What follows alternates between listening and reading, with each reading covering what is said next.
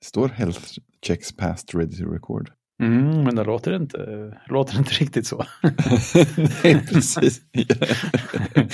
jag, jag hade aldrig gett mig själv en liksom, tillåtelse att vara med på gympan i det här skicket. Clean bill of health. Ja, men exakt. Det, det kan man bara glömma. Nej, det är bara bättre på radiorösten. exakt.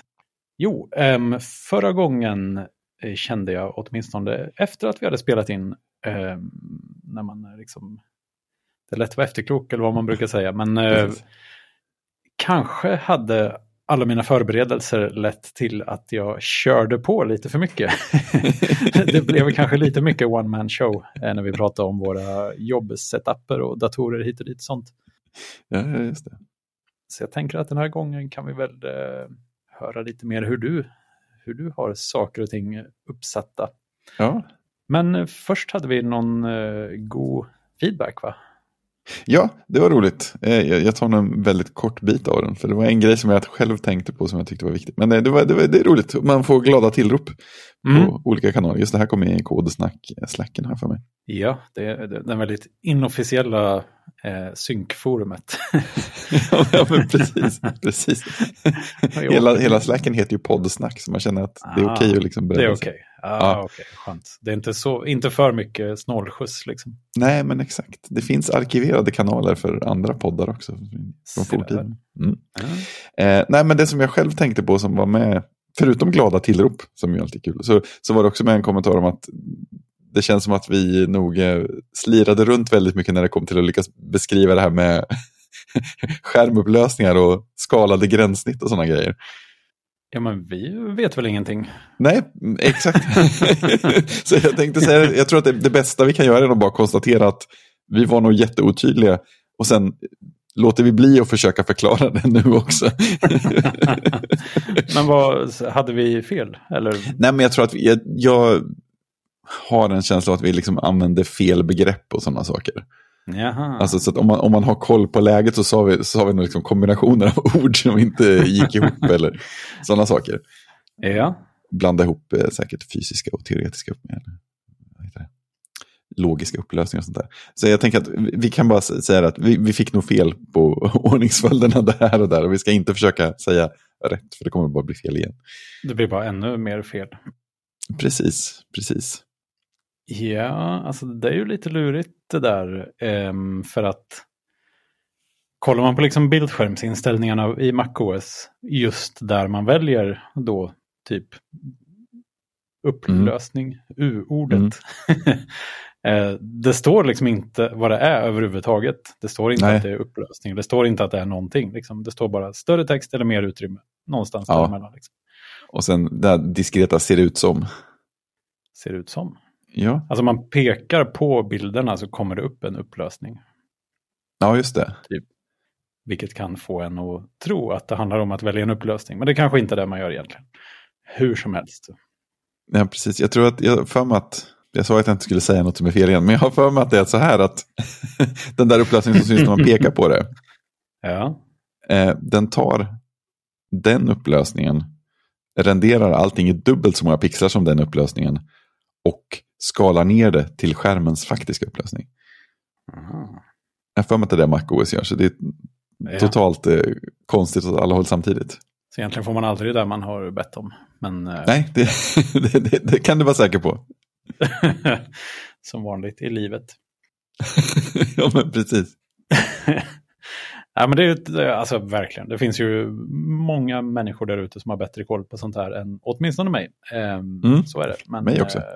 Men det här är ju inte en podd som fokuserar preliminärt, eller primärt heter det, på uh, den här typen av tekniska detaljer heller. Så jag tycker vi får ha lite lite svängrum i att inte alltid ha helt rätt. Men, men jag ja, uppskattar jättemycket att vi får eh, lite smäll på fingrarna eller en, eh, en eh, ödmjuk korrigering också. Ehm, ja, men precis. Det är alltid bra att bli påmind om var man har slirat för mycket. hur, hur, fel man har, ja absolut. Eh, och kodsnack-slacken är väl ett jättebra ställe att, eh, att prata på. Eh, vi har ju ett Twitter-konto också om det nu fortfarande är någon som använder det, som heter synk-fm.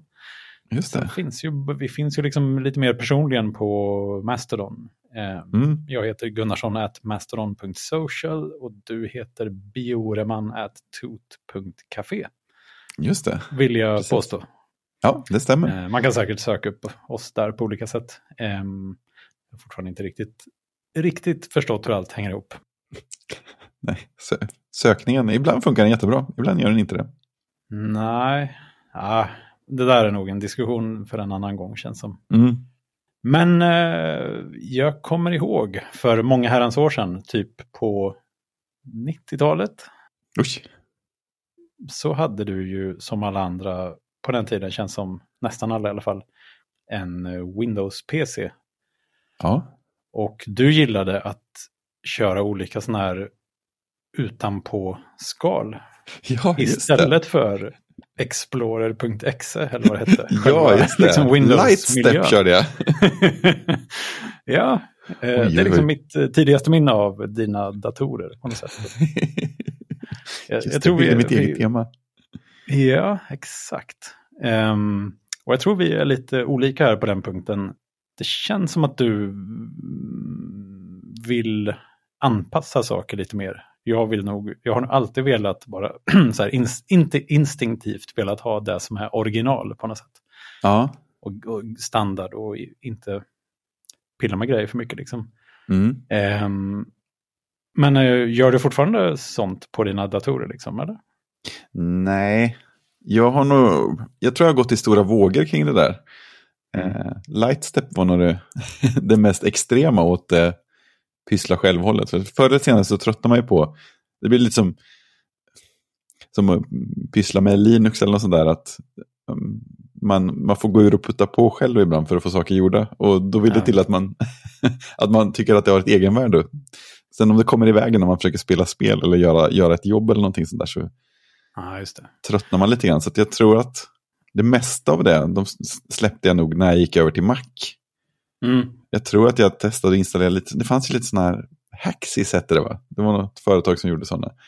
Som var så små system, eh, ja, hacka olika slag. Jag kommer inte ihåg vad det var jag installerade, men det var väl ett av sätten att få typ eh, eh, annonsblockering och så i Safari ett Jaha. tag. Oj. Fanns det, inte, fanns inte något som hette Saft som var någon slags Säkert. Ja, jag menar så här, det, det, det blockade, jag tror att det var annonsblockering, jag kan ha fel. Men eh, antingen var det annonsblockering, också gjorde något annat sånt där som man tyckte var nyttigt på något sätt. Ja. Men det krävde ju att man så här, jag vet inte ens vad, vilka skydd som fanns då. Men man, man fick i alla fall veta tydligt att det där liksom krokade in sig i systemet på ett sätt som inte var självklart att man ville att appar skulle göra. Ja, just det. Det var lite någon sorts grå, gråzon. Eller? Ja, men precis. Det är någon sån grej som inte ens hade gått att göra i MacOS idag eftersom det är mer säkert och nedlåst. Ja. Och sen så, ja men det var ju samma sak, det, fin det finns ju en del sådana här verktyg för att, ja men till exempel fönsterhantering och sånt. Som eh, använder sig av, eh, vad heter det på svenska, tillgänglighetsstödet. Ja, i just det. Accessibility. Men det gör väl till och med Magnet. Ja, det gör det nog. Jo, jag tror att det gör nog faktiskt allihopa. Det är kanske är så man måste göra. Precis. Det, så det har kommit över lite att det är okej om vissa appar ber om tillåtelse till det. Men Mm. ganska länge hade jag en gräns där också. Att, ja, man, om de behöver liksom styra runt på det sättet så är det nog lite hackigt. Ja. Mm. Men eh, det här Lightstep, det var alltså det var som en helt egen fönsterhanterare för Windows. Eller var det bara utritningen av fönstren och sen var allt annat likadant? Liksom, eller? Det var en helt egen skrivbordsmiljö på något sätt. Ja, precis. Man kunde väl dra till det lite olika har jag för mig. Det var ju ett tag. Men så- alltså, som jag minns det så funkade ju, så hade jag liksom den vanliga fönsterhanteringen rent hur att man kunde dra runt och placera och resiza och sådana där saker. All right. Eh, men jag får för mig att det fanns folk som gick ännu längre och liksom la ut det på andra program också. Att det kunde typ haka i någon egen fönsterhanterare på något sätt. Mm. Eh, så att för mig var det ju mest att få men vad ska man säga, en ersättare av startmenyn. Och man kunde kroka i liksom kortkommandon i det. Och lite så här enstaka, kanske så här launcher, Quicksilver, Alfred-aktiga saker. Ja, lite det. genvägar liksom. Mm. Jag tror att den hade någon slags stöd för virtuella skrivbord också. Uff, ja. ja, precis. Virtuella skrivbord har jag också tröttnat på med tiden. Ja, jag har aldrig ens börjat och eh, inte tröttna på dem för jag, ja, jag vet inte. Det är lite nu, det är lite som med flikgrupper i Safari, i alla fall på mm. iOS. Eh, jag mm. har en flikgrupp som jag använder till ett specifikt syfte.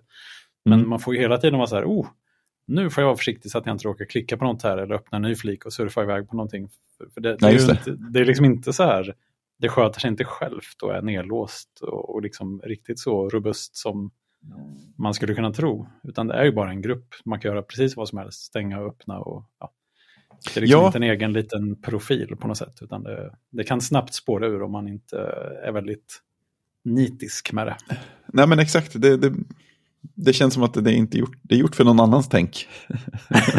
men, men inte för mitt, för jag tänker att ja, men här har jag den här högen och den ligger still om jag inte Exakt. väldigt aktivt ändrar på något. Men det här är liksom, nej, nej, det är bara ett gäng flikar. Och jag har hört folk prata om det på ett sätt som fick och liksom klicka lite grann. Så, ja, ja, ja, okej, det är så man vill ha det. Men det har jag glömt bort nu.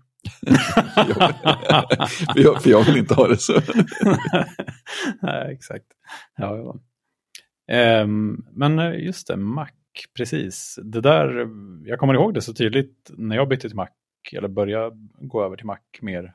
Um, mm. jag, jag, vi hade ju gamla Macar när jag var liten under en period. Eh, eller så liten var jag väl egentligen inte, men tonåring typ när jag mm. bodde hemma fortfarande. Men på den tiden var ju inte mackarna så bra. Alltså jag kommer ihåg att min pappa ville köpa en mack och jag blev helt så här, nej det kan du inte göra. Det är, liksom, det är hemskt, det går inte, det går inte att ha till någonting. Liksom. ehm, jag visste väl kanske inte så jättemycket om det just då egentligen, men det var ju PC alla körde på den tiden. Och ja, visst. Nu när man har blivit lite mer insatt i hur saker och ting faktiskt var då i typ mitten av 90-talet, i den där vevan, så var det nog kanske ganska bra att vi inte köpte en Mac då. ja, det var väl göra mycket problem för sig själv om man ville ja. typ, spela några spel. Photoshop. ja, precis. eh, men eh, för min pappa författade lite grann. Eh, mm. Och då var det liksom Mac som gällde på något sätt. Mm. Eh, trots att det egentligen bara var ett textdokument i princip. Med. Det var lite intressant för att redan då så skrev man ju Eh, jag vet inte vilket program man använde, det var väl antagligen något program som var gjort för att skriva. Mm. Men så satte man liksom in taggar som jag tror såg ut precis som HTML, HTML-taggar eh, för liksom att det här ska vara en rubrik och det här ska vara vad det nu är. Liksom. Oh, spännande. Jag såg det bara någon enstaka gång, liksom, och bara, Va? Det, där, det där ser ut som HTML, liksom. coolt. så att, för man sitter ju inte i Word kanske när man ska skriva en bok, utan det får ju vara ett lite mer Nej. tekniskt dokument. Liksom. Annars måste väl någon annan ändå göra om det ja, till ren text och sen fippla runt en massa med det för att layouta boken sen antar jag. Ja, men precis något sånt större. Ja, ja. Det finns säkert någon som lyssnar som vet precis vad det är för program som hade den finessen. Jag, jag hoppas verkligen det. Ja, det var, var det inte något förr i tiden som hette Quark Express? Jo, det fanns ju. Det var något sånt layout-program. Ja, det känns som det. Men ja, ja. ja. Vi, eh, vi har som vanligt fel antar jag. Men ja, eh, det bjuder vi på. Men en, eh, i modern tid då så tror jag det var 2001 som jag köpte min första Mac. Det var i alla fall min första egna Mac. Ja. iMac G4, den här Oj, bollen. Liksom. Otroligt fin. Ja, en av mina favoritdatorer genom tiden. ja, men det måste ju vara den liksom, gulligaste datorn någonsin. Eller känns, hur? Den som känns mest så här oskrämmande. Liksom. Ja, visst. Hur lite man än tycker om teknik så kan man ju inte, inte gilla den datorn. Liksom. Den Nej. är så söt bara. Ja, visst. Oh, jag har ja. den kvar men den, eh, den gör ingenting. Jag för mig att hårddisken låser, låter rätt så mycket när man kör. Så att, eh, ja. Känns hotfullt. Lite som när jag köpte min eh, Next Station Color Turbo. den, den lät lite grann kan man säga. Alltså, den hårddisken lät ju mer än Alltså den lät tio gånger mer än vad någon annan dator jag någonsin haft låter. Liksom. Och det var bara hårddisken. Det var någon stressig, liksom... Fläktarna var inte ljudlösa heller vill jag minnas. Nej, det kanske var så. Men eh, just hårddisken, när man hörde den spann upp så var det så här, oh, ska, det här ska det vara så här hela tiden nu? ja, Nej, men jag, jag, stänger den nog igen. men det var kul. Ja. Det är väl en, en nära bekant till dig som har den nu för tiden, kanske? Eller? Ja, just det. Har ingen... Det var han som... Ja, precis. Det var han som tog över den. Jag har ingen koll på om han har ha kvar det, den. det gör ingenting. Jag, jag, Nej. den fick ett gott hem efter mig i alla fall. Sen eh, Ja, men precis. får det vara någon annans bekymmer. Japp. Men eh, det som slog mig då när jag väl bytte över till Mac, jag hade kvar min PC då parallellt ganska länge tror jag. Mm. Men det var så tydlig skillnad i filosofi på något sätt. För Mm. att eh, så här, då tror jag i och för sig att det var lite så att i PC-program, man- installerar ett nytt Windows-program. Det första man ville göra var att gå in i alla inställningarna och ställa in det så, så att det faktiskt blev som man ville. Ja, Eh, så där, har jag, där får jag säga emot mig själv lite grann. Då vill jag kanske inte ha det standard och sådär rätt upp och ner. Ja, just det, men då är det på programnivå. Precis. Mm. Men på Macen var det så här, okej, oh, jag har installerat ett nytt Mac-program, vad kul. Jag går in i inställningarna och så finns det typ fem inställningar och alla är redan som man vill. ja, precis.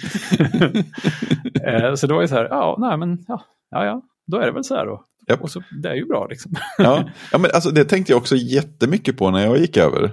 Mm. För att Windows hade ju haft ett tag, alltså så här, mina dokument och Ja. liksom så här standardplatser och börjat pusha lite mer för att man skulle lägga saker där. Mm. Men Jag var helt emot det, kommer jag ihåg. Så jag, liksom, jag la alltid saker, jag ha- jag hade min egen struktur vid sidan av det, jag la alla grejer. Exakt. och sen så, så, här, så fort jag flyttade över till så jag bara, ja, ja, nej men här, här ska man tydligen lägga saker. Ja, men iTunes, ja, det har sitt mediebibliotek, det gör lite, det liksom ordnar upp det åt dig. Jaha, Ja, ja, då, så bara släppte allt sånt där. Bara litade på systemet på något konstigt sätt. Det var, det var... Exakt. Ja, jag har precis samma bild. Och, att, och just med just iTunes, så här, musikbibliotek, att slippa, slippa sitta där med filfipplandet. Liksom. Mm. Eh, och sen i nästa skede kom det väl i iPhoto, som det hette på den tiden. Väl. Att den liksom bara tog hand om bildbiblioteket på något sätt. Och att Ja. ja, det är nog inte bara filer i mappar längre. Det, är liksom, det behövs mer information på något sätt. Och det, Ja. det var ganska skönt att bara släppa så här. Ah, den får sköta det här, det är lugnt. ja, men och, precis. Och ofta funkar det väldigt bra. Och man slapp en massa liksom, idiotarbete på något sätt som egentligen inte behövs. Ja, Eh, men det var väl det som var någon slags nyckel egentligen, att man av någon anledning litade på systemet. För. Win Windows var så här, ja men de ville ju göra så, men de kommer inte man vågar liksom inte tro att det skulle gå bra, för man Nej, kommer exakt. från hela den där fördomen att ja, men Windows måste man ändå installera om var sjätte månad för att allt bara Ja, faller sönder. Nej, precis. Där ville man ju inte ha, där vill man ha allting så separerat som möjligt. Liksom Ja. Gärna på en egen disk. Ja, just det, det hade jag faktiskt. Ja, att. Win Windows, i alla fall Windows på den tiden, eh, det, var, det segar ju ihop något fruktansvärt efter ett Mm. tag. Så att, liksom en, ett nyinstallerat Windows var ju så här, wow, Mm. rappt. Liksom. Ja, precis. Men eh, eh, sen, det blev väl också bättre när man... Eh, jag körde Windows 2000 ganska länge. Det är den bästa versionen av Windows jag har kört. Var, Ja, jag kommer ihåg när du hade skaffat det. Bläddra Ja. i manualen. Så här, wow, ett Windows som inte ens är piratkopierat. Exakt. Eh, för det var ju, ja, men det var ju så här, typ insidan från Windows NT med Mm. användargränssnittet från Windows 98, typ. Så det var liksom ett Mm. riktigt operativsystem på något sätt. Ja, det var våldsamt mycket stabilare på alla sätt. Va? Ja, det var jättestabilt. Sen tror jag det var, det var nog lite lurt med den datorn tyvärr, men eh, överlag var det... Den hade ju flera processorer också. Ja, den hade ju det. Jag tror det, var- det var det som var det luriga. Ja, Det var, ja inte riktigt liksom, det var inte riktigt som nu för tiden, att det bara, ja, ja, alla har ju många kärnor och sådär. Liksom. Nej, precis. Det var verkligen två sådana här stora kort med varsin Pentium 3, någonting, någonting på. Eh, och det funkar väl oftast rätt så bra och liksom välskrivna program, då kunde man ju se i eh, den här aktivitets, vad det nu heter, Mm. eh, att eh, ja, men det fanns två staplar där för processorerna och de användes flitigt i rätt program och sånt där. Ja. Mm, fint. Ja. Men nej, precis, Windows, jo. Ehm, nej, så att där, och, och där, där, där upplevde man väl inte riktigt den här uh, segheten med tiden, utan det var lite mer robust på något vis. Men annars, gammal Windows, det var ju bara, Mm. det gick snabbt ut för helt enkelt. Eh, Och då ville man ju ha sina egna filer på sitt sätt och liksom sortera upp um, album man hade Mm. köpt. precis. i, eh, i fina mappar och sånt där. Och likadant med alltså bilder. Bilder från digitalkameror var ju alltid ett kaos känns som. För det blev så Ja. här, en mapp per import typ. Och så, ja, Mm. så låg det så. Och det var jättesvårt att hitta allting. Ja. Eh, men, men jag har en, en kompis som åtminstone ganska länge fortfarande var emot det här att bildbiblioteket skulle hanteras automatiskt. Mm. och sånt där. Det kändes inte riktigt... Eh, han kanske inte litar på det riktigt helt enkelt. Nej. För det där är nog en nyckel till det hela. Ja. Eh, men när bytte du till Mac? Det var ju 2003 eller 2004 vill jag säga. Det var mm. när 12-tums eh, powerbooken kom. Just det, den hade du, eller den, den, har du kanske fortfarande, men du körde den rätt så länge. Ja, den, eh, jag måste bara kolla, 2003 var det tydligen. Nice. Den kom i januari 2003. Det är sån också kul med tidsuppfattning för att i, i mitt huvud så var det liksom en ocean av tid mellan att jag såg den här liksom introduktionen av den datorn och så var oj, vilken, mm. vilken häftig dator och tills att jag faktiskt skaffade den. Men mm. tydligen var det ett par månader.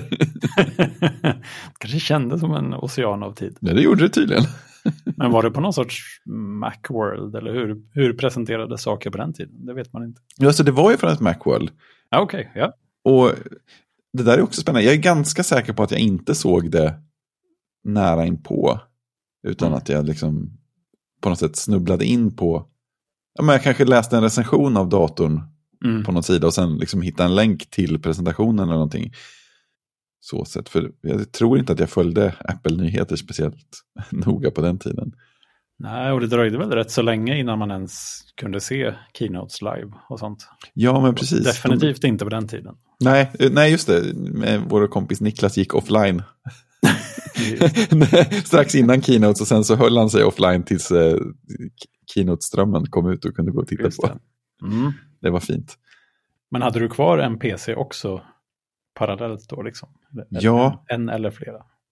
Ja, precis. Jag hade, hade nog två, men den andra använde jag inte speciellt mycket någon gång. Mm. Jag vet inte vad jag, jag körde Linux på den. Det, ja. var, ju bara, det var ju bara jobbigt. det var lite därifrån macken kom också, för att det var något, det var något mm. annat som kändes lite mer kul och stabilt än Windows. Och sen var det inte det här att behöva putta på allting själv som mm. Linux. Nej, precis. För det var ju lite i samma, vi var ju, vi var ju ungefär i samma ålder i alla fall då. Mm. Och, eh, eller, eller ja, det är vi nu också kan man säga. Men när vi eh, liksom började gå över till Mac. Eh, och för mig kändes det rätt så mycket som att ungefär då så var det inte riktigt lika kul att mecka med allting längre. Innan dess var det rätt så kul att ha liksom jättemycket sladdar och kablar och man gjorde allt, byggde, monterade in grejer själv och sånt där. Men sen, uff, det är rätt så skönt när det bara funkar liksom. Det är liksom väl paketerat från början. Så.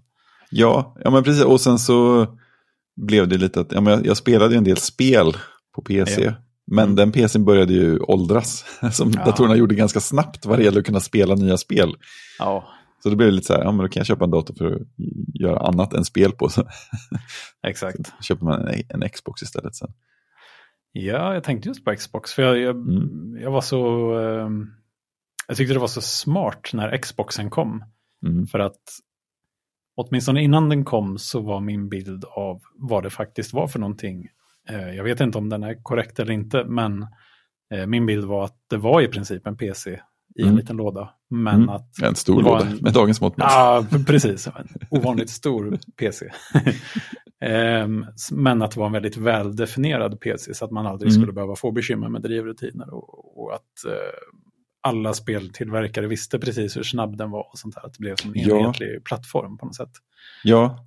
Ehm, och det tror jag delvis kom ifrån att min dubbla processorer-dator, den funkar aldrig särskilt bra med spel. Eh, Nej. Jag vet inte om det var Windows 2000 eller att det var lite konstig setup bara. Eh, mm. Men jag kände alltid så här att nej, det, jag köpte sällan spel för att de funkar oftast inte så bra. Nej, men precis, jag hade sådana konstiga krascher och grejer också. Va? Ja, det, var liksom, det, var liksom, det kändes som det var ganska oförklarligt alltihopa. Ja, det var ostabilt. Spel var aldrig någonting den datorn var särskilt bra på.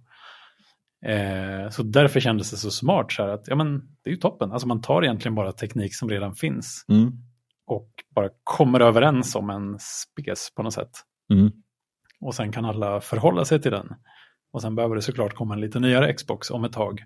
Men då kan den egentligen bara vara en lite nyare PC med ja, massare grejer. Liksom. Sen tog de ju en helt annan väg med Xbox 360 och vad hade den? 3 GFF5-processorer. Ja, det var ett jätteskumt upplägg jämfört med ja, den tidigare. Eh, och det kan jag, jag vet inte, det var, det var väl redan på den tiden så att en dyr PC var bättre än en Xbox Mm. redan när Xboxen kom. Liksom. Så att, ja. Ja, men det är just det där med att kunna utnyttja systemet ordentligt. För Mm. att första Xboxen, vad jag minns så var den inte, om man bara tittade på de rena siffrorna och tekniken i så var den inte så där himla långt ifrån den där PCn jag hade innan som hade, Nej, eller hade samtidigt, nog till och med. Det var inte det, så här, det skitsnabbaste man kunde få tag på. Liksom. Nej, precis. Men eh, alla spel var ju optimerade för det och hade inte massa andra grejer som låg Mm. igång. Så att de, de var ju supersnygga i Ja, 480p-upplösning. exakt. På tjock-tvn. ja, Eh, sen var det väl där också att eh, i och med att det var en så himla välbekant eh, plattform, alltså de, mm. den hette väl Xbox för att den byggde på DirectX. Typ. ja, och det hade ju spelutvecklare tampats med i flera år redan. precis. Eh, så det blev inte det här Playstation-syndromet, eller fe- fenomenet när de första spelen på en ny Playstation-plattform på den tiden i alla fall var ju så här, "Ah, ja men det är väl, det är ungefär som på den förra. Ja, Men sen, så här, sju år senare när, när det fortfarande var den Playstation-versionen liksom, som gällde så var spelen tio gånger snyggare. Liksom. ja, ja visst. För att de var så komplicerad plattform med de här eh, cellprocessorerna. Och allt Ja, men precis. De hade, alla var tvungna att lista ut själva hur de skulle göra saker i början. ja. ja, det ska inte vara lätt. Nej, nej. Men hade du kvar dina PCar länge eller släppte du dem sen? Eller vilken var din sista PC? Liksom? Du kanske har en PC fortfarande? Nej, eh, utan det var ju de jag hade när jag skaffade macken. De blev ju liksom stående. Jag undrar om jag ens använder dem till men, Alltså, min, min känsla är att jag, alltså när jag slutade spela några spel på dem Mm. så blev de inte använda mer. Så då var de i princip pensionerade. Mm. Eh, jag vet inte, om, om möjligt att jag hade en stående liksom använde lagringsytan lite grann. Ja. För att avlasta för att eh, så mycket plats fanns det inte på den lilla, lilla hårddisken på eh, powerbooken. Ja, just det, det är sant. Det var inte så mycket molntjänster heller på den tiden kanske. precis, precis, men den hade ju, jag köpte ju trådlöst från början. Det var Mm. exotiskt. Det var också en sån här bra, bra Mac-upplevelse. Man- För jag köpte en sån Airport Extreme hette den va? Det fanns det något som hette, jag Ja, vet den inte, vi- var det var det den som var som en kon typ? Ja, ett, ett ufo. Ja, precis. Ja. Oh. Eh, och då var det en, en guide, man, en sån här fin wizard-guide som man skulle köra på macken för att sätta upp allting. Mm. Eh, det, det tyckte jag kändes väldigt mack då, för att jag, jag gjorde något fel så här, i guiden, så jag lyckades inte slutföra guiden. Det var Mm. något, något som bråkade någonstans. Men allting funkar ändå. Ja, men det är bra. ja, det är ändå hjälpsamt. Så. Mm. Men sen har du kört Mac sen dess helt enkelt. Japp. På jobbet också. Ja, vi hade ju... Ja, men precis, där gick vi över till Mac senare. Eh, för vi köpte ju in någon... På den tiden vi jobbade ihop då, då köpte vi en e-Mac. Just det, på tal om På fläktmonster. tal om fläktar, exakt. Jädrar.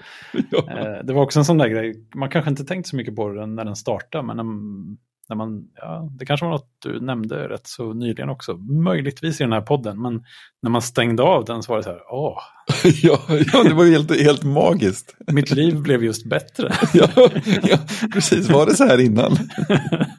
kan det vara så här? Ja, Ja. precis. Nej, men sen... Sen nej, men då, precis, för då, då utvecklade vi på PC. Och e-macken ville man ju inte jobba med längre än nödvändigt. Nej, den var ju tidernas budgetalternativ och vi köpte den billigaste som fanns Ja, också. Som vi- var ju bara för att testa att grejerna alldeles för funkade. lite minne och så vidare. Mm. Långsam och högljudd och inte speciellt bra skärm. Och, Ja. Mm. Men sen, så, sen rullade det på på de PCarna ett par år. Och sen köpte vi in, jag vet inte riktigt vad ordningen var, men vi, vi köpte in en, eh, en iMac senare. Mm. Eh, Jag vet inte om det var efter att du hade slutat. Nej, det måste... Ja. Nej, jag minns faktiskt inte. Det måste det nästan ha varit faktiskt. Ja, Du, du, du hade en G5 iMac va? En vit. ja just det. Det köpte jag en sån. Eh, jo, för, för grejen var i alla fall att vi köpte in någon, någon bättre Mac för att testa saker på. Ja. Och sen så flyttade jag över hela min miljö dit och började utveckla på den. Mm. Som jag minns det. Och sen är det på den vägen. Alltså hela, hela resten av Time Edit var ju ett Mac-företag redan då. Så det var ju Ja, bara en just tid. det. När liksom våra PCar åldrades ut så ersattes de med Macar till slut. Mm. Precis, i samband med att vi blev en del av Time Edit helt enkelt. Ja, men precis. Ehm, just det, men nu, mm, vad, hur många, vad har du för datorer nu egentligen? För du har lite privata datorer och en jobbdator antar jag. Ja, men precis. Jobbdatorn är en 16-tums Macbook.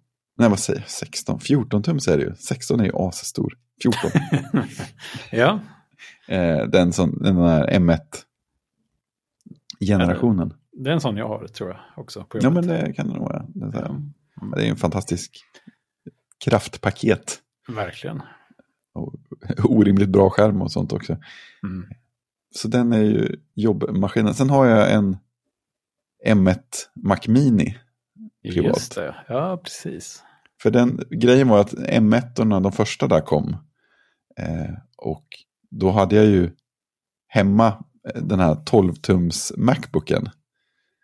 En, en dator som många har retats med för att den är liten och extremt eh, svag på alla sätt. Så, ja, just det, den som kom som bara hette Macbook. ja, det var den första som hade tangentbordet som alla sen kom att hata. Ja, Men eh, superlätt och fin. Och grejen för mig var att jag hade ju önskat att det skulle komma en Macbook Air med Retina-skärm. just det. Ja, och det var ju precis. den här i praktiken. Exakt. Så att jag, jag hade ju den och trivdes jättebra med den. Och den hade jag som min enda privata dator. Och den började bli gammal när M1 kom. Mm. Och då kände jag så här att ja, men jag känner inget aktivt behov av att ersätta Airen. Så att en bärbar har jag ju. Så då, då är det ju liksom ett mindre paket att köpa en eh, Mac Mini. Och, Fast, din lap fast din laptop var inte en Air, alltså? Eller? nej, precis. Utan laptopen var ju den Macbooken, 12 Ja, tummar. precis. Ja. Mm. Så då köpte jag en, då köpte jag en Mac, Mac Mini istället för, för det kom ju en Air samtidigt. Eh, som jag funderade på, men så tänkte jag, ja, men jag har en bärbar som funkar bra. Och sen så, ja, men jag har ett skrivbord, det står skärmar och grejer där. Det är ganska Ja. naturligt att ställa en liten datorlåda där. Mm.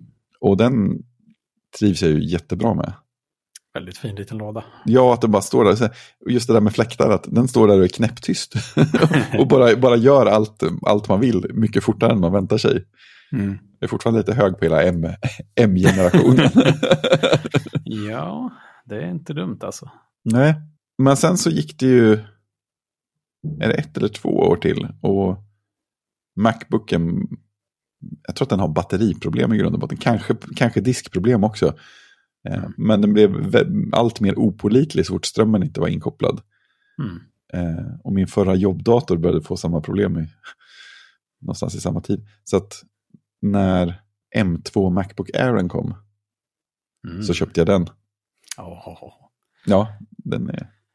fint alltså. Ja, jag har, fint en, jag har, har en kollega som har en sån som Mm. jobbdator. Tror, nu minns jag inte vad vi har pratat om och inte tidigare i den här podden, men det får vi bjuda på. Men eh, Japp.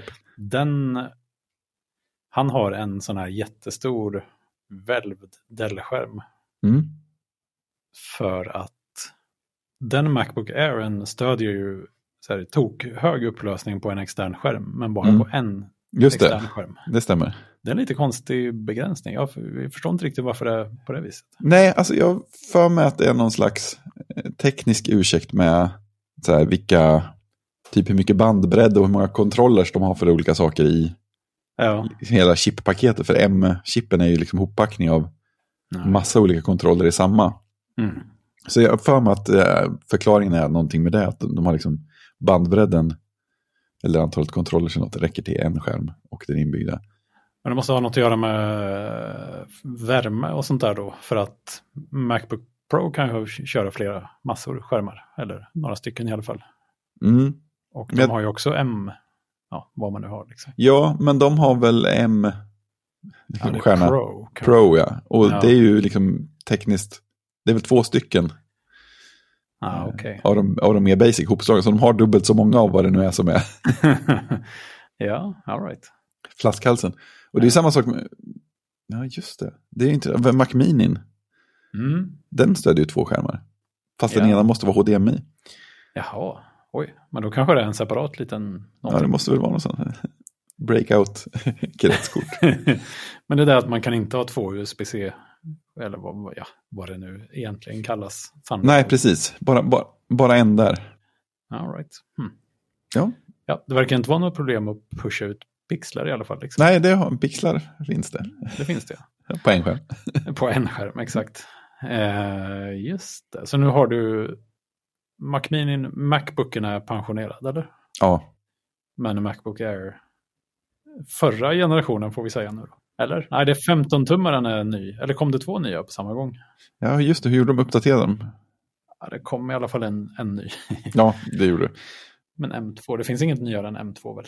Så att det, ja, det kanske är sånt Max Pro och sånt. Jag vet inte.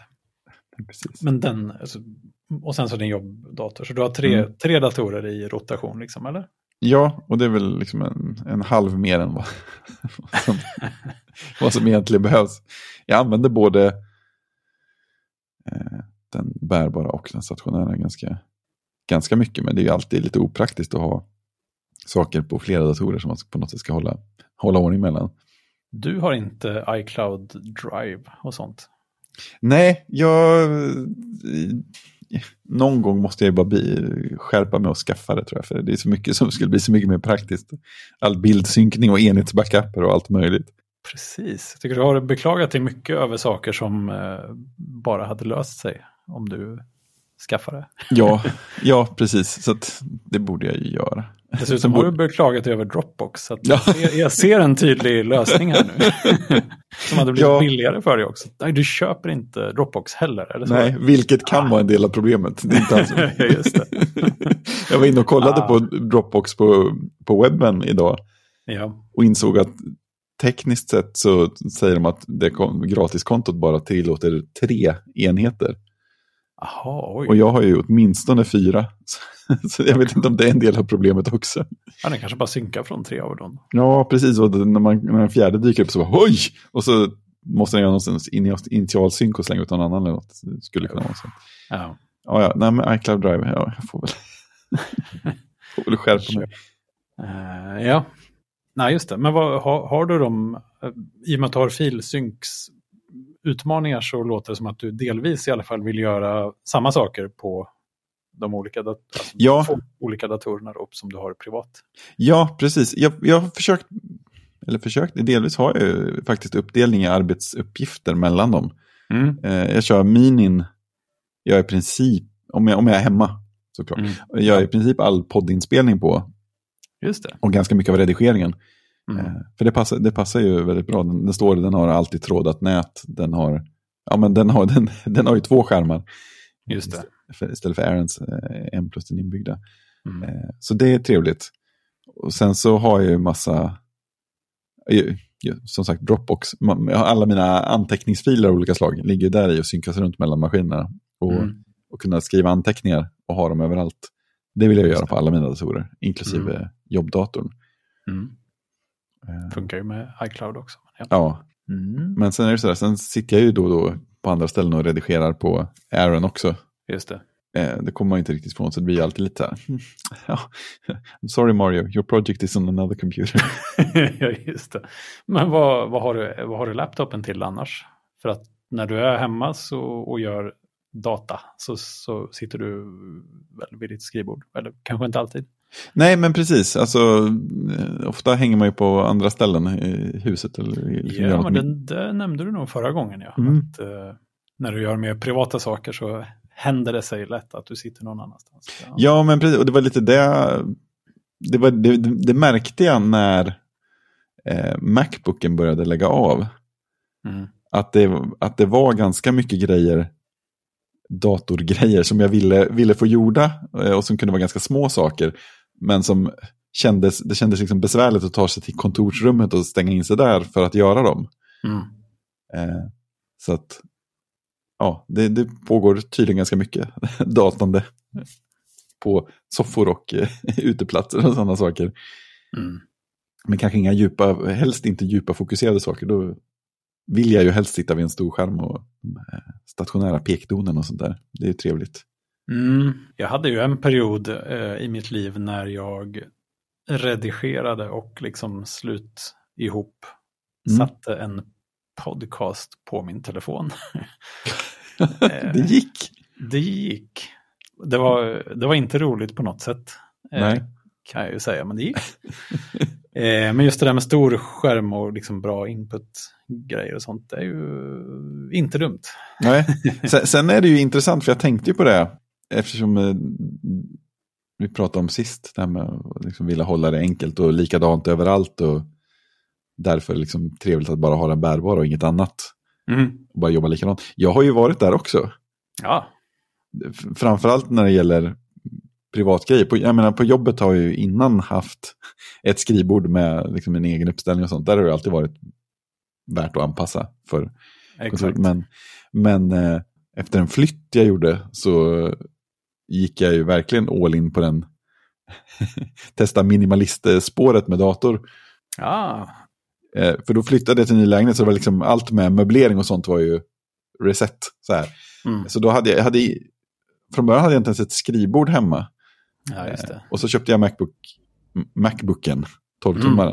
Mm. Mm. Och så det var ju min, min enda dator och bara den och inga liksom, tillbehör. Eh, ett Ja, tag. Sen smög det sig gradvis in. Men, Ja. men jag gillar ju verkligen något, det där rena med att ja, men det är bara den här lilla maskinen som är jättelätt att ta med. Och framförallt tror jag den här grejen att det inte blir att så fort jag tänker dator så tänker jag på det här lilla hörnet Mm. Ja, som precis. standard. Jag liksom kedjar fast mig till den här punkten för att det är liksom den bästa att göra de här sakerna. Mm. Jag gillade att inte ha den känslan.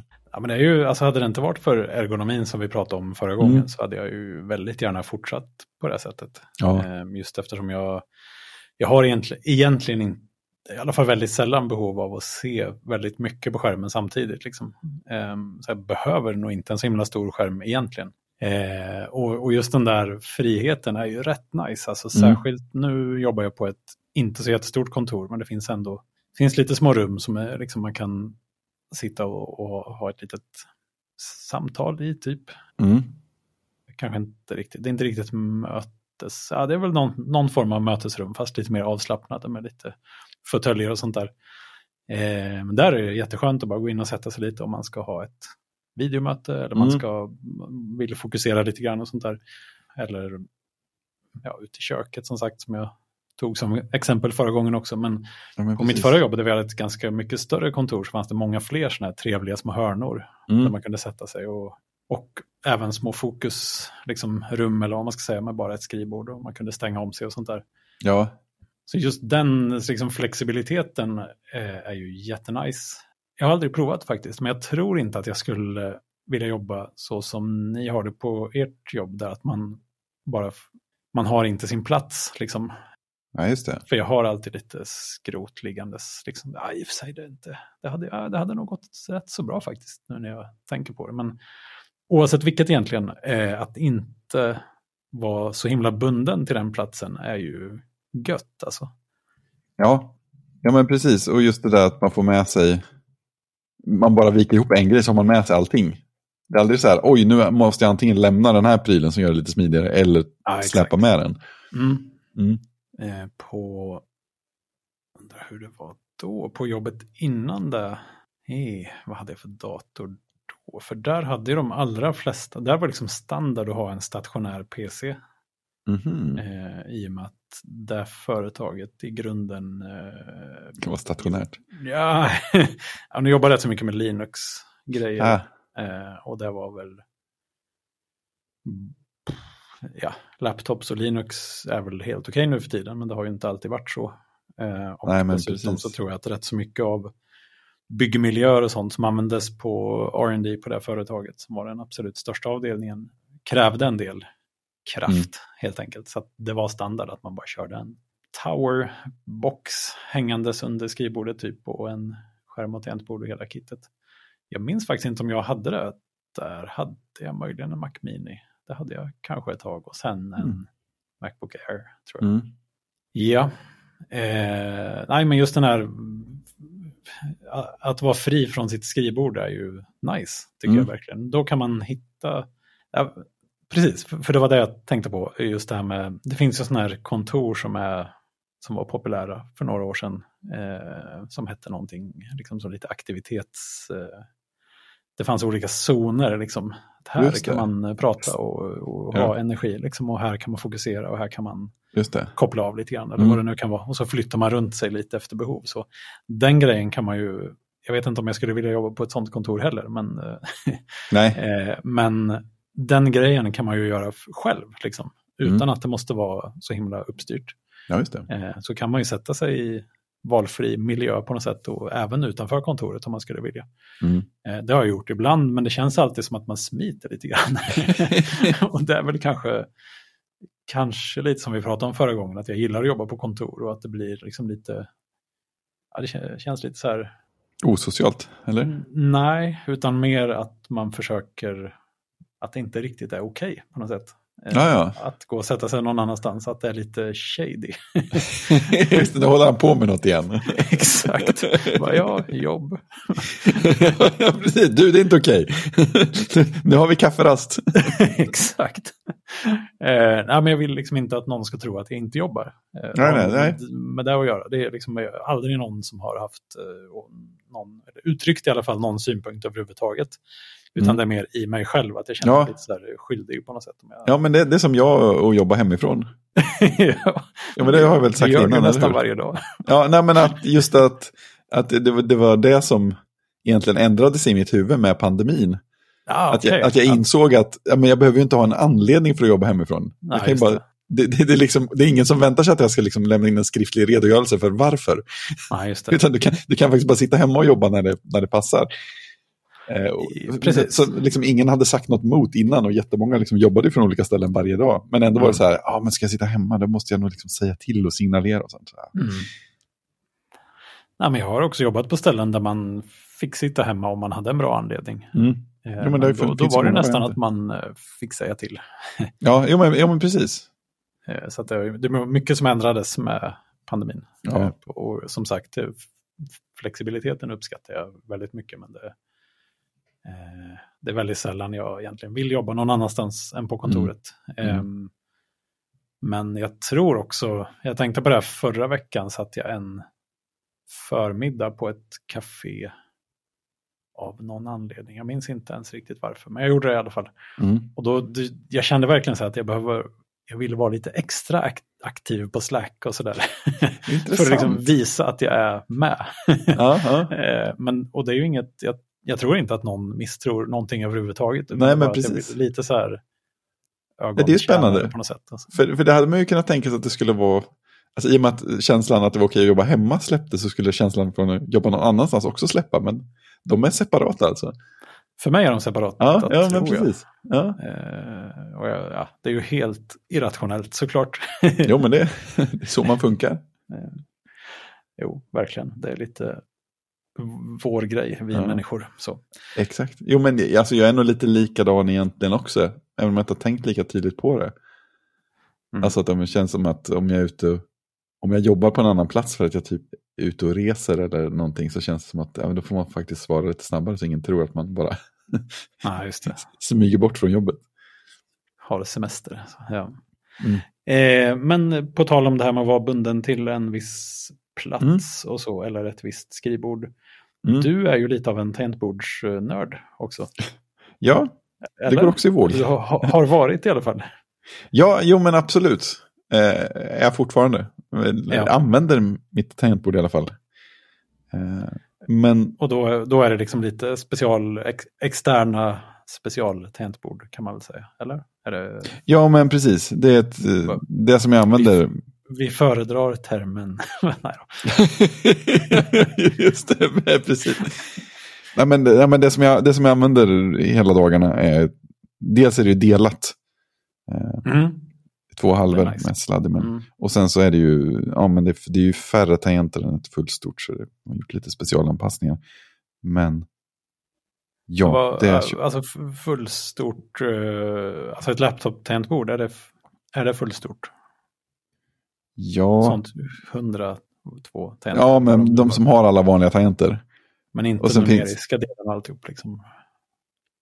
Nej, just, nej, precis, det är sant. Säger någon fullstort så menar man kanske numeriskt också i vissa fall. Jag är lite osäker. Ja, oklart. Ja, men det finns ju flera steg neråt. Så här, att mm. man, du har inte numerisk del och sen har du in, de som inte har liksom F-tangenter, de som mm. inte har nummerrad och sådär. Så den här storleken, om man vill googla, kallas ju för 40% tangentbord. Att det är liksom cirka 40 av det, av det totala antalet tangenter på ett stort tangentbord. Oklart om Oj. det är med eller utan numerisk del. Det måste nästan vara med numerisk del. Annars ja, är det väldigt det måste det vara. Ja, för, för om man säger, det finns ju något som kallas för 70% tangentbord. De mm. ser ju rätt, rätt normala ut. Som ett vanligt tangentbord utan numerisk del. Tangentbord. Liksom. Ja, men typ så. Va? Vill jag minnas. Ja, för siffror vill man väl ändå ha? Alltså, eller? jag, jag trodde det, men, eh, men det, som är, det som är så skönt är att istället för att ha dem som... Alltså, sifferraden är ju rätt opraktisk. Vad är det liksom som är smidigt med att, att ettan ligger över Q? Eh, så det jag har är ju att siffrorna ligger som en... Som, ja, men som, som, en, som sifferdelen av ett stort tangentbord. Som numpaden. Mm. Eh, precis där, där jag har fingrarna naturligt på högerhanden. Fast så, virtuellt då på något sätt. Ja, så jag, jag håller in eh, ja, typ escape-knappen ungefär på vänstersidan av tangentbordet och då har jag numpad under fingrarna på högersidan. Mm. Eh, och det, jag var förvånad själv över hur, hur behagligt det var. Så det, det är nästan en av de bästa grejerna. det, det, som var, det som var svårast att vänja mig vid var liksom, att flytta runt, hitta en annan lösning för piltangenterna. Har du inga piltangenter? Nej, de ligger också på, de ligger på IIKL på högersidan. Okej. Okay. Och det är i sig inga problem, men vanan, eh, jag, jag har insett hur, mycket, hur pass mycket jag använder Macens, de här, alltså piltangenter plus, du vet håll in skift är ju markera, men håll in skift allt. Ja, visst. Oj, och där och hoppa shit. till början och sluta av rad och sånt där. Och de grejerna sitter fortfarande lite sämre i ryggmärgen med mina anpassningar än de gör på ett helt vanligt Mac-tangentbord. Ja, men alltså, och lyssnar man lite på kodsnack så får man intrycket att du och, är det Kristoffer? Kristoffer håller mycket på med tangentbordet. Ja, du och Kristoffer, kanske mest Kristoffer då, eh, mm. liksom mixtrar mycket med keymaps och sådana mm. där grejer. Eh, det måste vara jättesvårt att hålla reda på var allting finns. Alltså särskilt om man har flera olika tangentbord. Det känns super, som att man skaffar sig ett, en riktigt stor utmaning på något sätt. Ja, jo men precis. Och där har ju jag gjort, alltså just det där, för jag har ju också gått igenom flera tangentbord, även om det är ett som jag använder mest till vardags. Men jag har ju alltid, vad ska man säga, flyttat med mig samma, samma layout. Ja, okej. Okay. Mm. Eh, de ser ju lite olika ut, så att jag har ju flyttat om lite grann också, men i, i grund och botten precis samma layout. För annars hade jag, annars hade jag nog blivit tokig ganska direkt. eh, men den andra hemligheten med just det här med alltså, var ligger saker någonstans. Det är ju att, att tidigt när man börjar undra det, fundera på var, var vill vad vill jag trycka på? Och sen så gå in och justera layouten så att det ligger där. Ah, Okej, okay. det är smart. Ja, ja eh, då, då, då kan det gå förvånansvärt snabbt att lära in vad grejerna är. Mm. Eh, men jag, jag har några som blir jätteförvirrad över ibland för att jag, jag vet inte, jag tänker för mycket och använder ryggmärgen för lite. Eller något. Så här. Men var har jag lagt eh, raka pipe-tecknet eller någonting sånt där? Oh, det, ju, det, kan vara svårt att hitta på ett vanligt tangentbord. ja, men, ja, men exakt. Det är inte så att man är immun på ett vanligt tangentbord heller. Men eh, nej, men då har man ju oftast eh, symboler på knapparna i alla fall. Mm, då har man en chans. Som man eh, men just det, så du har egentligen bara bokstavstangenterna och någon lite skift kanske och sånt, eller? Ja. Då börjar det nästan kännas som att det kanske är 40% av ett laptop-tangentbord i alla fall. Ja, kanske. För det är ju de två, hela de två översta raderna är borta då i princip. Ja, precis. Precis. Det... Ja, ja, ja, typ hälften i alla fall. Ja. ja, ja, coolt. Men, eh, men jo, jag, inte, jag snappar inte upp det i alla fall. Men vad är det för tangentbord du, du använder mest? För det är ju en... Ja, det, det, är ju en, en säger man, ett kretskort, antar jag att det är som är själva kärnan. Alltså det som heter Corne, C-O-R-N-E. Okej. Eh, Ja, just det. Det är, inte, man, det är liksom ingen färdig produkt man bara köper här nu. Utan det, nej, nej, men gre- grejen är, grejen är att jag, jag har ju provat att löda ett tangentbord. Eh, Ja. men det, det gick ju bra, men det var, det var liksom inte där jag kände att nöjet var. Så att de, de andra jag köpt har ju varit men färdiga, eller lödningsfria om man säger. Eh, så att det, här, det här fick jag ju färdiglödat. Och liksom alla delar som behövdes för att montera det eh, utan att löda någonting. Men det var, lite, det var liksom en, liten, en trevlig liten byggsats. Men det, innebär att man måste eh, säga åt dem vilka switchar man vill ha eller? Kan man byta dem utan att löda? Ja, det här har ju Hotswap. så, så det går. Det, det, finns, det är också så olika varianter i olika tangentbord, olika som säljer. Om det är så att, om det är så att eh, de lödar ihop allting eller att de lödar lite sån här Hotswap-möjlighet så att man kan växla. Ah, right. mm. och, och sen har du några fiffiga keycaps då, antar jag? Att man Ja. väljer lite fritt på något sätt, eller? Ja, men eller precis. Kom de med kittet också? Nej, de eh, köpte jag separat. Jag kommer inte ens ihåg vilka det här är. Men jag, har köpt fler keycaps än vad jag, än vad jag kan använda samtidigt. Du har ju inte så många tangenter. Så. Nej, nej, det också. Och när, om man börjar komma in på tangentbord och sånt så kan man ju komma in i den här svängen med group buys. Där det. någon säger att jag ska tillverka det här och sen så tar de upp beställningar och sen så om de får in tillräckligt många så drar de folks pengar och sen tillverkar de grejerna och så skickar de ut dem. Mm. Och steget mellan att pengarna dras och att saker blir färdiga och skeppas är ofta väldigt långt. Ja, Vilket gör att om man börjar bli entusiastisk så går man med i några group buys för keycaps som verkar fina. Och sen så tar det mellan ett och två år innan de dyker upp. då har man hunnit glömma det för länge sedan. Ja men precis. Eh, Så det är en- del av nöjet. Man får en liten julafton långt senare. Helt Ja, oväntat. just det. Men det är inte som eh, Kickstarter, alltså man vet att man får där man har beställt typ i alla fall. Ja, ja men precis. Det känns som att eh, det finns ju säkert folk som är entusiastiska och liksom inte har någon koll och aldrig lyckas Ja, leverera något. okej. Men Mm. jag, jag, jag tror att de som jag har gått med har varit sådana som ja, men folk har gjort det förut och har processen Ja. klar och sånt där.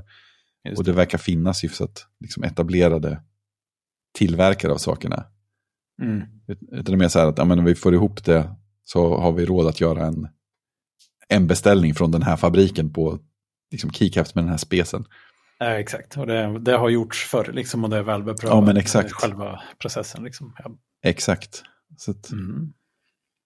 Ja, men det... Ja, ja, men har du andra, du har andra tangentbord också som du ibland använder, eller? Nu har jag faktiskt bara kört på eh, Cornit. Okej, så du har gått vidare kan man säga genom några Ja, det andra som jag verkligen gillar mest är ju ett som kallas, som kallas för plank, PLA-NCK. Och det är ju ett 40% tangentbord som är osplittat och helt rakt. Ja, Så att, eh, som Kristoffer sa någon gång, det är så här vackert, strikt tyska raka linjer bara. mm. ja, men det gillar jag. ja, precis. Och det, det enda som jag lite grann tröttnade på där var att inte kunna flytta isär händerna. Så det gjorde att jag Ja. kom in på corner som är splittat. Mm. Mm. Alltså just eh, som jag nämnde här om sistens i den här podden så har jag haft lite eh, problem med ena handleden. Eh, Mm. Och där, jag tror att just den där vinkeln, nu har jag ju som sagt ett externt Logitech-tangentbord just nu. Mm. Men, och det skulle jag vilja säga, bara att vänja sig vid det har ju varit jättesvårt.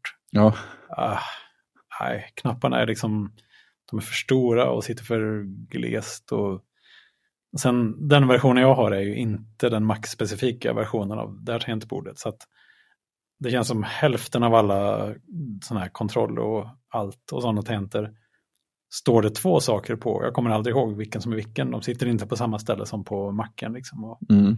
eh, ja, nej, jag var jättenära att beställa ett annat tangentbord Mm. i, idag.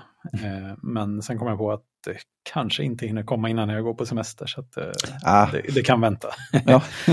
Men eh, eh, jo, eh, just den här vinkeln, om man sätter båda händerna framför sig så att fingrarna pekar bort från kroppen, så är det ju en ganska tråkig vinkel på handleden.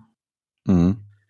Eh, och det är delvis den säkert som har ställt till det lite grann för mig. Eh, och på det sättet är det väl bättre att jag har ett större tangentbord nu, men äh, jag, skriver fel hela tiden. Jag råkar skicka grejer inte som roligt. inte är färdigskrivna och sånt för att Nej. den här lilla apostroftangenten och enter är inte ja. det jag förväntar mig. Och sånt här. Eh, men eh, annars är split tangentbord, jag, jag kan verkligen tänka mig att det är en skön grej att ha. Liksom. Mm. Det första man såg i den vägen var det här Microsoft, vad det nu kan ha hetat. Ja, det känns så. 20 år sedan. Typ. Ja, precis. Skalpt heter det så? Kanske? Ja, det känns inte så. Något med Nej. ergo någonting, någonting. Ja, jag, kanske. Ska jag, jag koppla fram något? Eller så heter det något som med skalpt säkert. Men eh, det är inte det jag tänker mig att det heter. Men det är, Nej. Ja, det är, rätt, det är ganska bra på att ha fel faktiskt. ja, precis, och det är vi stolta över. Uh, ja, absolut. Um, just det, okej, okay. så man, uh, du flippar inte runt för mycket mellan olika tangentbord i alla fall? Nej, det som har varit uh, flipp innan har ju varit beroende på ja, skrivbordsmiljön om man säger. För att det har också gått igenom Ja, miljön på mitt eget skrivbord. Alltså fysiskt? Ja, ja precis. Just det. Bra, bra förtydligande där. mitt fysiska skrivbord. Ja. Eh, för att när jag började, ja, jag hade ju det här skrivbordet hemma uppställt med extern skärm och med Macminin. Och sen så tangentbord och eh, pekdon mitt på. Mm. Trevligt. Mm. Och sen så började man ju jobba hemifrån. Och ja. Eh, så började man, ja, Aaron kom in i bilden med tiden också. Och då blev det ju ganska snabbt och enkelt att när jag skulle jobba på jobbdatorn, eh, putta undan pekdonen, ställa jobbdatorn mitt på skrivbordet, öppna den och sen så koppla in skärmen till den. Mm. Och så köra liksom den här over-under, stora skärmen uppe och lilla skärmen nere. Det gick, ja, det. det gick att få dem på liksom bra avstånd från varandra för att det skulle passa. Ja. Eh, och då blev det ju naturligt att jag halkade in, att det, att det blev datorns inbyggda trackpad och tangentbord också. Ja. Så det blev, av det så blev det en ganska lång period eh, med där de dominerade. Alltså, Macbook-tangentbord helt enkelt tog över. Mm. Eh, och sen blev det bara det externa tangentbordet när jag jobbade med Mac Mini. Men sen tog jag mig samman för ett tag sedan och köpte fler Vesa-armar. ja, just det. mitt bläckfiskskrivbord. Så nu har jag en, nu har jag liksom armat undan alla grejer så att eh, skärmarna sitter på VS armar och går att putta undan. Och eh, jag har ett sån här laptopställ på mm. en VS-arm. Så att laptopen får liksom plats ovanför Mac Mini i hörnet på skrivbordet. Ja, just det. Så nu är det liksom rent och fint och plats för att ha de vanliga pekdonen och tangentbordet inkopplat hela tiden. Så att om du ska jobba med jobbdatorn, då ställer du den i stället? Liksom, Precis. Eller? Okay. Precis. Man bara såpar in vad man nu vill eh, jobba på. Liksom. Exakt, liksom hot swap ja. datorn. Ja, exakt. Ja. Så, att, så, så, av det så kommer jag tillbaka till externa tangentbord igen. Ja, och det är trevligt. Så det, ja, just det. Så det kör du oavsett dator då egentligen? Mm. Coolt. Ja, det är schysst. Eh, jag har ju kört någon form av Apple laptop. Ja, det måste vara i tio år nu tror jag. På, mm. Både på jobbet och privat. Da, ja. Jag hade min iMac. Alltså inte den, jag hade en nyare iMac någon gång i livet. Men den hade jag å andra sidan Apples externa Magic Keyboard till. Mm. Så det är ju typ samma. Ja, så alltså, likt det kan bli. Ja, de har ju varierat genom åren så här i slaglängd och vad det kan heta, liksom känsla i tangenterna. Ja, eh, men, men layouten är ju rätt så lik. Yep. Där de har krånglat runt mest med, eller en av de sakerna de har krånglat runt mest med är väl ironiskt nog då piltangenterna. Ja, det var i den perioden också. Ja, och det som är lite störigt med det här uh, externa tangentbordet som jag tänkte köpa, mm. som för övrigt heter Magic Keyboard med Touch ID för Mac-modeller med Apple Silicon. Ja, smidigt namn ändå. det är produktnamnet. ja. Eh, där har de gam den gamla layouten på piltangenterna, vilket är ah, alltså att man har de är inte i ett sånt här upp och nervänt T, vad det nu Just kan det. kallas. Ja. Utan höger och vänster piltangenterna är fullstora tangenter och sen uppåt och neråt piltangenterna ryms mittemellan dem. Ja, de är halvhöjd liksom. Ja, exakt. Och de Ja. är ju halvhöjd mm, på moderna eh, Macbooks också. Men då är ju även höger och vänster piltangenterna halvhöga. Eh, alltså alla Ja, piltangenterna just är lika stora nu för tiden. Ja. Eh, förr i tiden, eller vad man ska säga, så var ju, under en period i alla fall, så var ju piltangenterna, höger och vänster piltangenterna var helhöga. Eller vad man ska Ja. säga. Vilket gjorde det väldigt svårt att hitta, framförallt uppåt piltangenten. Ja, man vande sig ju aldrig. man har inte den där lilla, man har inte den bortre kanten av höger och vänster piltangenterna att ha som referens på något sätt. Nej, men exakt. Man har inget att navigera efter. Nej, eh, så att, eh, ja, och sen är det inte bakgrundsbelyst heller, det här Magic Keyboard med Touch ID för Mac-modeller med Apple Silicon. eh, och det behöver det verkligen inte vara på jobbet, Nej. för att eh, det här Logitech-tangentbordet jag har nu är bakgrundsbelyst, men jag fick liksom aktivt få det att lysa en gång för att ens få reda på Ja. att det fanns belysning, för att det behövs ju aldrig, så att den är aldrig Nej, men precis. Det, det är liksom känns helt som- onödigt egentligen. Japp. Ehm, utan det, det skulle egentligen mest vara för Touch ID egentligen. Men Mm. eh, för att dra iväg på ett ännu längre sidospår så har jag ju nyligen börjat använda min gamla Apple Watch igen. Ja, just det. eh, som är en eh, Series 2 från Mm. eh, jättemånga år sedan säkert. Ja, det var den du hade för länge Det var den jag sedan. hade. Det är den jag har Ja. haft. Eh, och i år kommer väl Series 9, antar jag. Ja, jag tror det. Och det har väl kommit en om året. Så Japp. jag gissar att den är sju år gammal ungefär. Jäklars. Och den funkar oväntat bra, måste jag säga. Eh, jag gillar ju klockor. Eh, Ja. Så det känns lite tråkigt att, att ha en, inte en riktig klocka längre. Eh, men det är roligt just med ja, men att försöka komma igång och springa lite grann igen. Så det, Mm. jag gillar verkligen det här jämfört med andra GPS-klockor jag har haft. Eh, så slipper man liksom hela steget med att stå och se dum ut och vänta på Ja. GPS-signaler. Det är ju chockerande skönt. De, jag tror Steve Jobs måste det väl ha varit som tog upp det i första Apple Watch-lanseringen. Nej, han levde inte då. Gjorde han det? Oklart. Nej, Den som lanserade den, i Mm. alla fall i Keynote-presentationen, tog ju upp det som exempel. Liksom att, ja, men så klickar man bara här, jag vill ut och springa, Mm. och så springer man. Alltså man slipper den där idiotfasen. Liksom. ja. Alltså, Och då kände jag bara, ah, Ja, jag måste ha det här. vi antar att moderna andra GPS-klockor har löst det där också nu. För annars är det bara löjligt. Det borde ju vara så. Jag har, det- en, jag har en eh, Garmin eh, Mm. 205 tror jag den heter. Den är absolut inte eh, modern. Den är ett Mm. antal år gammal. Mm. Men den har ju ändå Bluetooth, den kommunicerar med en app på telefonen Mm. och allt sånt där. Men den tar ändå rätt lång tid på sig. Den Mm. kan ju ta ett par minuter på sig att hitta, eh, Ja. hitta positionen. Ehm, tricket Apple Watch gör är väl att den får positionen från telefonen eh, jättefort. För att telefonen har hygglig koll i grunden. Eh, även utan att ha GPSen aktiv. På grund av wifi och allt vad det kan vara. Mobilnät och så vidare. Just det. Så att jag tror att Apple Watchen får en så pass bra... Den vet så pass väl var den är någonstans och den får kanske lite hjälp med lite grundberäkningar Ja, från det. telefonen också. Så att den Ja. snabbt vet vilka satelliter som den borde höra ifrån och liksom, Ja. ja. hur det nu funkar. Jag tror att Garmin-klockan försöker... Ja, men den, den tar för givet att man är där man var senast och sen försöker den väl då räkna ut vad klockan är. Och ja, det vet den gissningsvis. Och vilka det. satelliter som borde vara Mm. här då och så vidare. Jag vet att om man, om man startar den typ inomhus eller något sånt där så kan den fråga efter ett tag så här, är du inomhus? Mm. Om man då säger nej, då, då frågar den, har du förflyttat dig hundratals kilometer?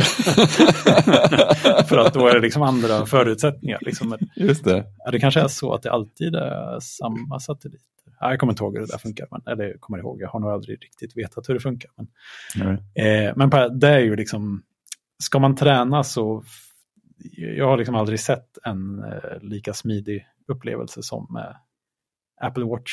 Och eh, en av de sakerna som gjorde mig eh, sugen nu var att, ja, det var i och för sig några år sedan jag fick höra om det, men nu för tiden funkar integrationen med typ Strava väldigt bra också.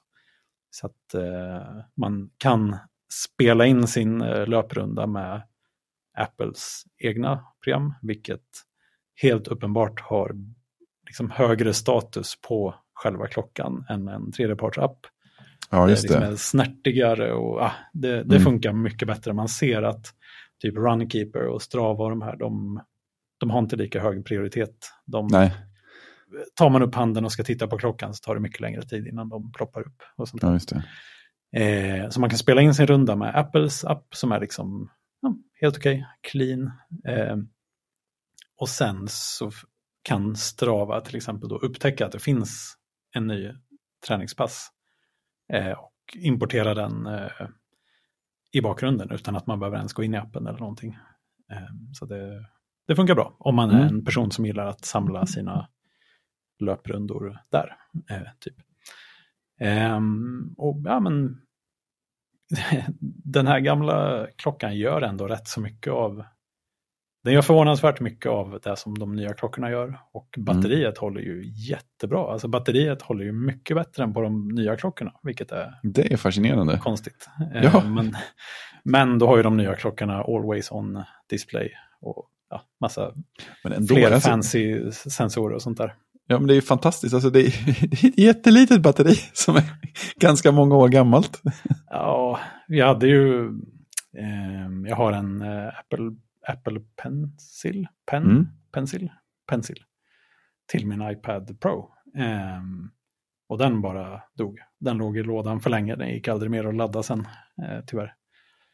Och jag förväntar mig ju nästan att det, samma sak skulle hända med klockan för att den har ju legat mycket längre och borde inte ha ett så mycket större batteri känns som. Nej, det är sant. Eh, Men den funkar otroligt bra. Alltså, ehm, igår när jag skulle lägga mig så hade jag 72% batteri kvar. Det, är ju, det är väldigt mycket för en Apple Watch som, alltså även de senaste Apple Watcharna tror jag håller väl ja, men så här 18 timmar liksom, eller någonting sånt. Det kanske Ja. har blivit bättre på senare år, men flera år i rad var det 18 timmar som var den uttalade batteritiden. Eh, Mm. och då gissar jag att det är utan eh, träning och så vidare. Eh, Ja, precis. Den här precis. 72%-dagen hade jag ju bara suttit och jobbat. Jag gick en liten promenad på lunchen i och för sig, men det var ju inte med GPS-spårning. Liksom. Eh, Men jag har ändå märkt att en aktiv dag, eh, även utan träning, så drar den mer batterier. Så att är Mm. ja, ju mer man rör sig, desto mer saker får den väl eh, hålla reda på. Liksom.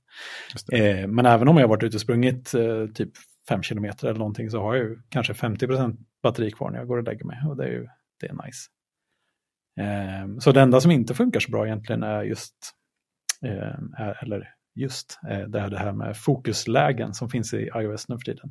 Mm. Eh, jag tror att den WatchOS-versionen som finns i den här klockan vet bara att man kan ha stör ej eller inte, typ.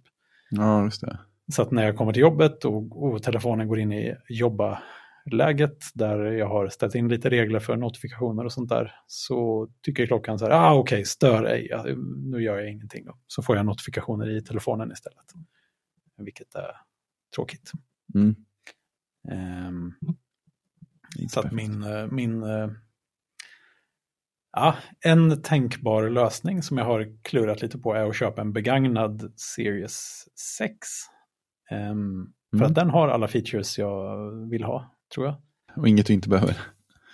Exakt. Eh, den, har, den har Always On-skärmen, jag tror det var den andra versionen, eller möjligtvis tredje versionen som hade Always On. Mm. Den har EKG-grejen som hade varit, mm, känts bra att ha. Mm. Och den har eh, sån här bl- blodsyresättningssensor. Just det. Och den stödjer senaste WatchOS, så att det borde funka bättre med störej och sånt. Sen, men sen är jag ju så helt orimligt eh, sugen på en Apple Watch Ultra. helt utan att ha något behov av det överhuvudtaget. Så, som de flesta som de har den, coola. tror jag.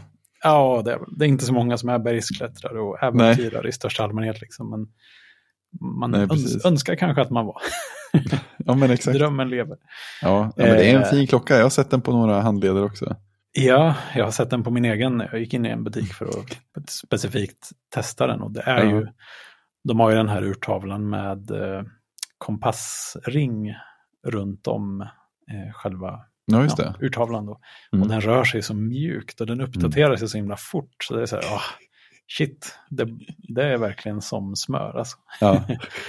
Eh, den ska inte lägga massa pengar på. Eh, men om någon liksom bara har en över som är en belastning i deras liv och som de inte önskar något annat hellre än att bli av med så kan jag ta den, det är okej.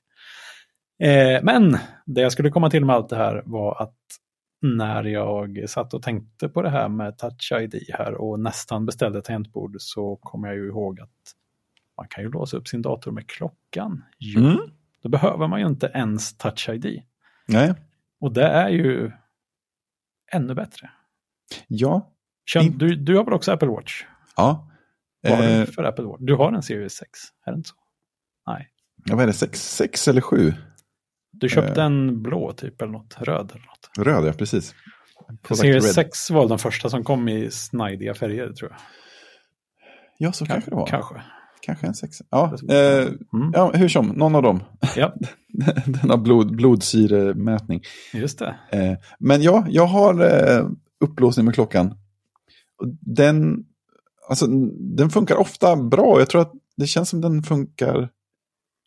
Att den har ryckt upp sig och funkar bättre nu. Men det, det, den är inte hundraprocentig. Mm. Så att, Jag slog eh, faktiskt på det i morse här. Så Mm. ja, jag får... Det har funkat bra, det, typ den enda gången jag har låst upp min dator Ja. sedan dess. Jo, men ofta, ofta funkar det bra. Och då är det ju väldigt, jag, jag tror att de har lagt till någon mer eh, sån här närhetsdetekteringsvoodoo eller någonting. för att, för att alltså min normala process när klockupplåsningen har funkat som den ska så har det varit liksom, gå fram till datorn, typ ja, men dutta på tangentbord eller pekplatta för att väcka den. Och sen så blir Ja. man inloggad eller så tajmar det ut och så kör man touch ID. Eh, Just det. men jag upplever att det har varit gånger som jag, nu som jag liksom bara har kommit och satt mig vid jobbdatorn och så har den liksom vaknat och låst upp sig. Så jag tänker då. Ja, är fint. eller, eller hur? Nice. Eh, sen tror jag att den dator som har strulat mest med Apple Watch-upplåsning har varit Mac Mini. Och det tänker jag att det kanske har att göra med att det är en liten kompakt metalllåda som hermetiskt tillsluten. Det skulle kunna ha med saker att göra. Ja, vi tänkte att du ville ha en Faradays bur här. Just det. Faradays inloggning. Vill du kommunicera trådlöst med den? Nej, jag är ledsen. Ja, nej, det skulle kunna vara något sånt. För det är ju, Mm. Men eh, det skulle också kunna vara att den är inte lika nära dig. Liksom. Nej, det är ju sant. Den är också fysiskt längst bort. Även om det är ganska laptop, liten skillnad. Eh, Ja, och din laptop är ju inte heller nära dig i och för sig. Alltså på samma sätt som eh, jag tänker, du, du skriver ju inte direkt på din laptop. Liksom. Nej, men, men den är ju ändå fysiskt närmare om man bara drar en rak linje på skrivbordet. Ja. Eh, jag Ah. menar, det kan ju vara så att det är lite annan menar, vad ska man säga, strålningsmiljö eller något. Exakt. Men det kan ju vara något som gör att Bluetooth liksom missbedömer avståndet eller vad som helst. Ja. Ja, det där är... Ja, nej, men det är trevligt. När det funkar bra så är det väldigt trevligt. Ja, det är det faktiskt. Och det värsta som kan hända när det inte funkar är att man får logga in på något av de andra sätten. Som ett djur. ja, exakt. Men äh, använder den klockan också till äh, typ sparade lösenord i Safari till exempel? Ja, hur är det nu? Ja, men, det, ja, men, ja, men här, vissa grejer, ja, men så Apple Pay och sånt. Ja. kan man ju få liksom bara dubbeldutta på armen för att... Men lösenord känns inte som att klockan brukar läggas i. Men eh, det var så länge sedan jag ställde in det också, jag vet inte riktigt vad jag har. Men när du ska, kör du Safari eller? Ja. Så, och, när du, och du har gissningsvis lite sparade lösenord där. Eh, när man sitter med datorn öppen framför sig då använder man ju Touch ID för att liksom godkänna att lösenordet Ja, fylls i på något precis. sätt. Men när man har datorn stängd då måste man istället skriva sitt lösenord. Den fattar liksom att nu är, nu är Touch ID instängt det. i datorn här så att det är ingen idé att ens be om det. Just Vilket det. är, det är ju en sån liten grej som man kanske inte tänker på, men det är väldigt fint att den inte Ja. föreslår det ens. Ja, precis. Eh, men Tänk- där, om, om min klocka var i närheten där, då hade jag ju velat att den bara, ja ja, allt är Mm. bra, nu kör vi. Ja, men precis. Inte fråga om någonting, det hade ju varit det bästa av alltihop. Ja, jättefint. Men du har inte ens tänkt på hur det är, då kanske det är så. Mm, precis. Ja, vi får undersöka saken. Exakt. Kommer någon och korrigerar oss. Ja, exakt. Ehm, men eh, just det. Eh, tänkte jag på. Eh, jo, ett tag hade du ju, om jag minns rätt, din iPad och ett externt tangentbord Mm. på tåget och sånt där. På ett Ja. fiffigt sätt. Eh, jobbar du något på din iPad nu för tiden? Jag tror att jag kanske frågade förra gången också. Det, Ja, det får vi bjuda eh, ja, precis. Nej, men svaret är, svaret är nej. Det enda jag gör regelbundet på, på iPaden är att rita bilder till kodsnack. Just det, det sa du nog också. Ja, det är trevligt. Procreate. Fortfarande ett bra ritprogram. Ja, och fortfarande, nu vet jag inte vad det kostar nu för tiden, men det är så här löjligt billigt. Ja, det är Alltså- mycket billigare än det borde vara. Ja, när jag köpte min iPad Pro så bara, just det, nu måste jag köpa Procreate. Mm. Ja, ja, det är inget att be för. Mm.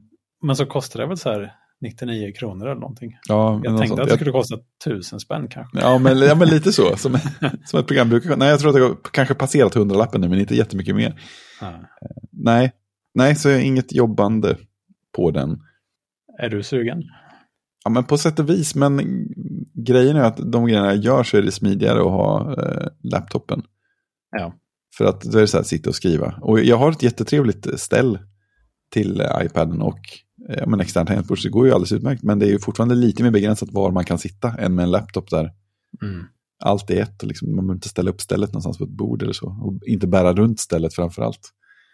Är det ett ställ som också är ett tangentbord eller är det ett separat ställ? Nej, det är bara ett, det är ett separat ställ. Det är, jag kan lägga någon länk sen i avsnittsinfon. Det, det är som, när, man- när man satt på iPaden på det så ser det ut lite som en lampa. Eller som iMac, den gamla iMacen fast utan Ja. bolldelen.